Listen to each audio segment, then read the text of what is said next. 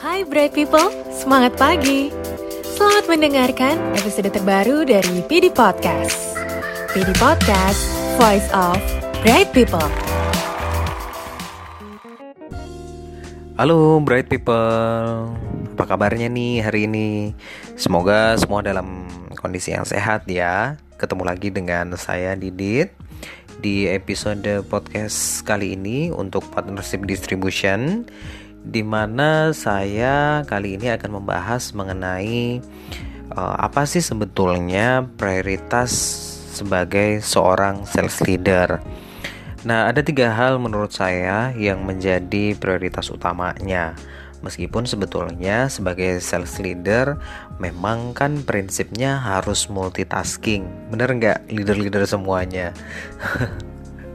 Tentunya setuju ya, karena apa? Selain harus bisa mencapai target gitu ya.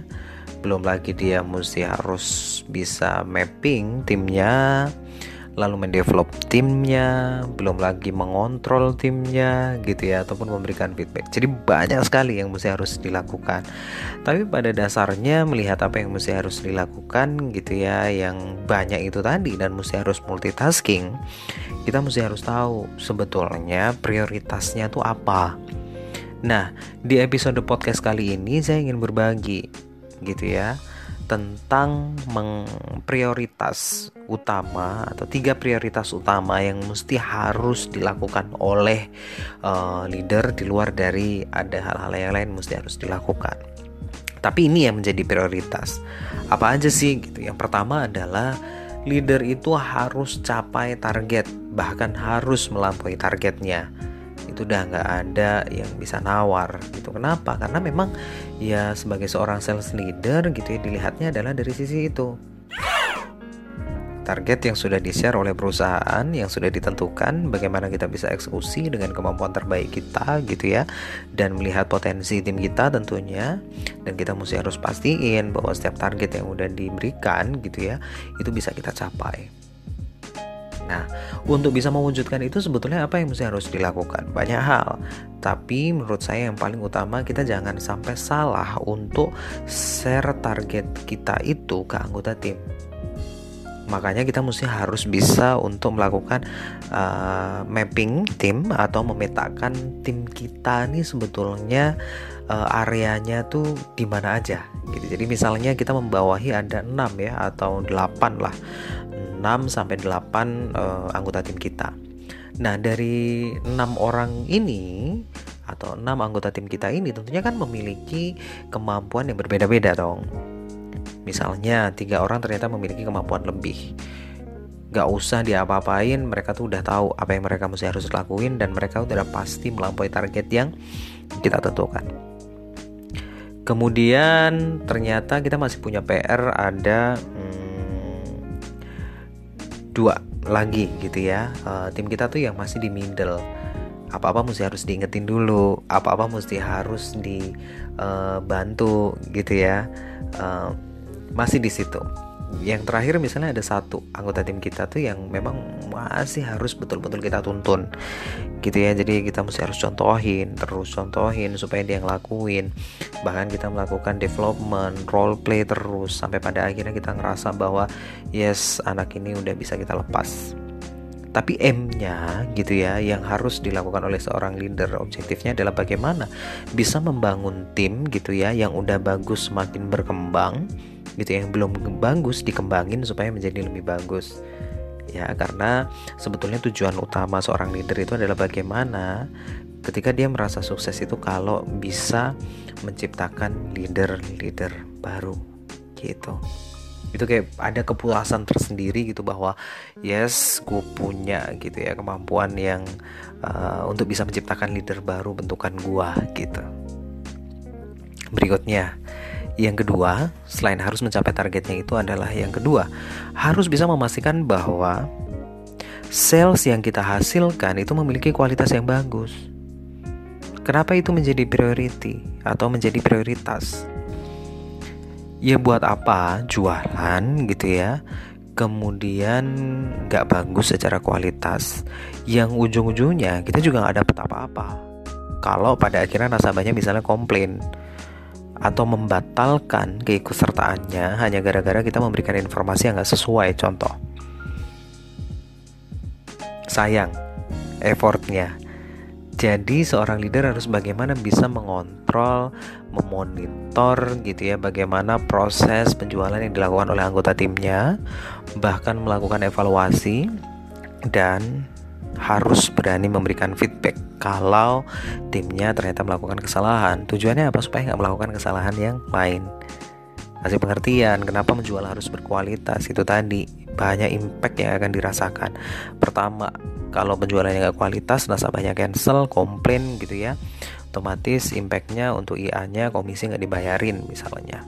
Yang kedua, uh, ya ada konsekuensi manajemen yang mungkin nanti akan diterima oleh uh, eh, IA-nya atau anggota tim kita gitu ya. Dan juga ke um, kita leadernya. Bahkan bisa terjadi seperti itu. Gitu. Yang kedua gitu ya kita nggak jadi untuk membantu nasabah. Karena apa? Merasa bahwa informasi yang disampaikan tuh nggak sesuai. Gitu. Jadi nasabahnya komplain impact yang paling besar adalah sebetulnya kalau ngomongin tentang mengembangkan bisnis, terutama ini adalah bisnis jasa, itu kan pelayanan menjadi modal utama. Gitu ya. Kalau nasabah merasa tidak terlayani dengan baik, pada akhirnya komplain gitu ya. Nah, bagaimana nasabah itu bisa mereferensikan kita nih ke temannya atau ke keluarganya? Jadi kalau semakin banyak yang komplain, semakin nggak ada juga yang akan mereferensikan kita jadi kalau ngomongin bisnis gitu ya yang akan berkembang bisnisnya. Gitu teman-teman. Jadi eh, bagaimana kita sebagai leader sekali lagi harus bisa memastikan bahwa tidak hanya fokus di quantity tapi quality itu juga jadi hal yang sangat penting. Apalagi kalau ngomongin tentang bisnis pelayanan ini. Ketiga kita harus bisa menjadi represent atau perwakilan dari perusahaan kita. Karena apa? Mukanya perusahaan kita itu sebetulnya adalah di kita sendiri. Jadi banyak hal yang mesti harus dilakukan, tanggung jawabnya nggak mudah. Pertama, ya ngomongin tentang penampilan, appearance, hal yang pertama kali pasti dilihat oleh klien kita atau partner kita itu kita harus juga berusaha untuk berpenampilan yang baik profesional sehingga mereka memiliki kesan yang baik.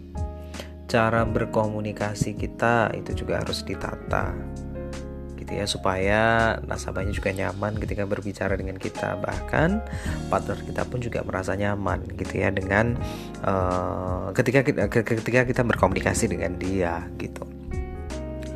Lalu berikutnya hmm, mengenai represent ini ya sekali lagi bahwa um, kita harus menjaga nama baik lah perusahaan karena ini berhubungan sama bisnis gitu ya atau kelangsungan bisnis kita.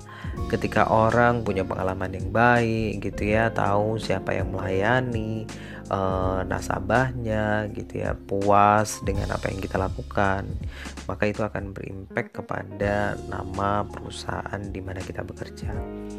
Jadi pesannya adalah berhati-hati gitu ya harus tahu gitu ya dan uh, memahami bahwa tanggung jawabnya teman-teman sebagai represent dari perusahaan Anda itu harus selalu dijaga.